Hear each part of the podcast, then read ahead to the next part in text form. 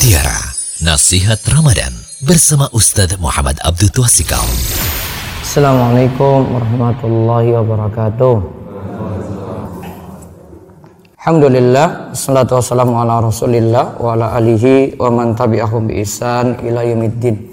Allahumma inna nas'aluka ilman nafi'a wa rizqan thayyiba wa amalan mutaqabbala. Puji syukur kita panjatkan kepada Allah salawat dan salam semoga tercurah pada Nabi besar Nabi agung Nabi kita Muhammad sallallahu alaihi wasallam. Pada kesempatan ini kita kembali melanjutkan kajian Ramadan. Kali ini kajian Ramadan pembahasan masihkah mau menunda taubat. Taubat itu artinya kembali kepada Allah dari kesalahan-kesalahan yang pernah diperbuat. Yang pertama, taubat itu ada dua macam, ada taubat wajib dan taubat sunnah. Ada taubat wajib dan taubat sunnah. Ibnu Taimiyah katakan, taubat yang wajib itu adalah taubat karena meninggalkan suatu perintah atau melakukan suatu larangan. Taubat yang wajib di sini dibebankan bagi seluruh mukallaf yang telah dibebani syariat. Sebagaimana yang Allah perintahkan dalam Al-Quran dan Sunnah Rasulnya Sallallahu Alaihi Wasallam. Sedangkan taubat yang sunnah yaitu taubat karena meninggalkan yang sunnah atau melakukan yang makruh. Barang siapa yang hanya mencukupkan diri dengan taubat pertama yang wajib maka dia merupakan bagian dari golongan pertengahan yaitu al-abrar al-muqtasidun dan barang siapa yang melakukan dua taubat di atas sekaligus taubat wajib maupun taubat sunnah maka ia termasuk golongan terdepan yaitu as-sabiqunal muqarrabun. Jadi taubat ada dua macam, taubat wajib dan taubat sunnah.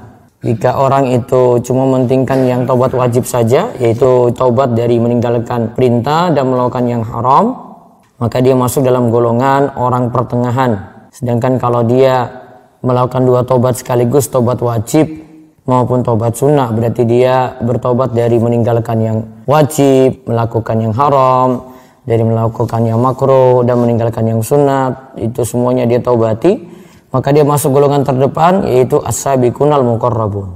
Demikian kata Imam Ibnu Taimiyah. Yang kedua taubat itu ada yang diistilahkan dengan taubatan nasuha taubat itu ada yang diistilahkan dengan taubatan nasuha Allah berfirman ya ayyuhalladzina amanu tubu ilallahi taubatan nasuha Wahai orang yang beriman, bertobatlah kepada Allah dengan tobat yang nasuh, dengan tobat yang semurni-murninya.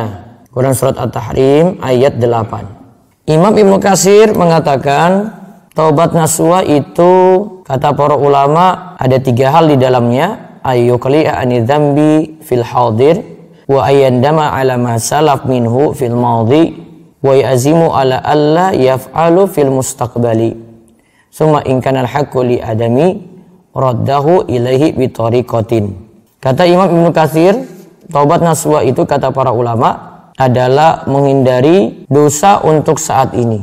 Berarti dosanya berhenti, tidak lagi dilakukan. Wa yandama ala masalaf minhu fil madi. Menyesali dosa yang telah lalu. Lalu yang ketiga, wa ya'zim bertekad ala alla yaf'alu fil mustaqbali tidak melakukannya lagi di masa akan datang. Nah, kemudian jika itu berkaitan dengan hak manusia, roddau ilai, maka ia harus menyelesaikannya dengan suatu cara. Nah, ini yang disebutkan oleh Imam Ibnu Katsir dalam tafsir Al-Quran Al-Azim.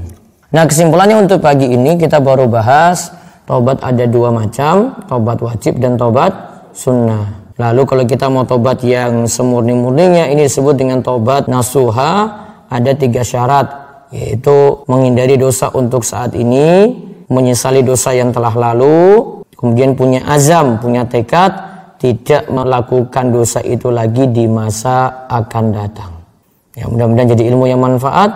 Insya Allah kesempatan besok kita masih lanjut dengan pembahasan taubat dari dosa lagi. Demikian kita cukupkan. Kita tutup dengan doa kafaratul majelis. Subhanakallahumma bihamdika Asyhadu alla ilaha illa anta astaghfiruka wa atubu ilaik. Assalamualaikum warahmatullahi wabarakatuh. Demikian mutiara nasihat Ramadan bersama Ustaz Muhammad Abdul Tuasikal.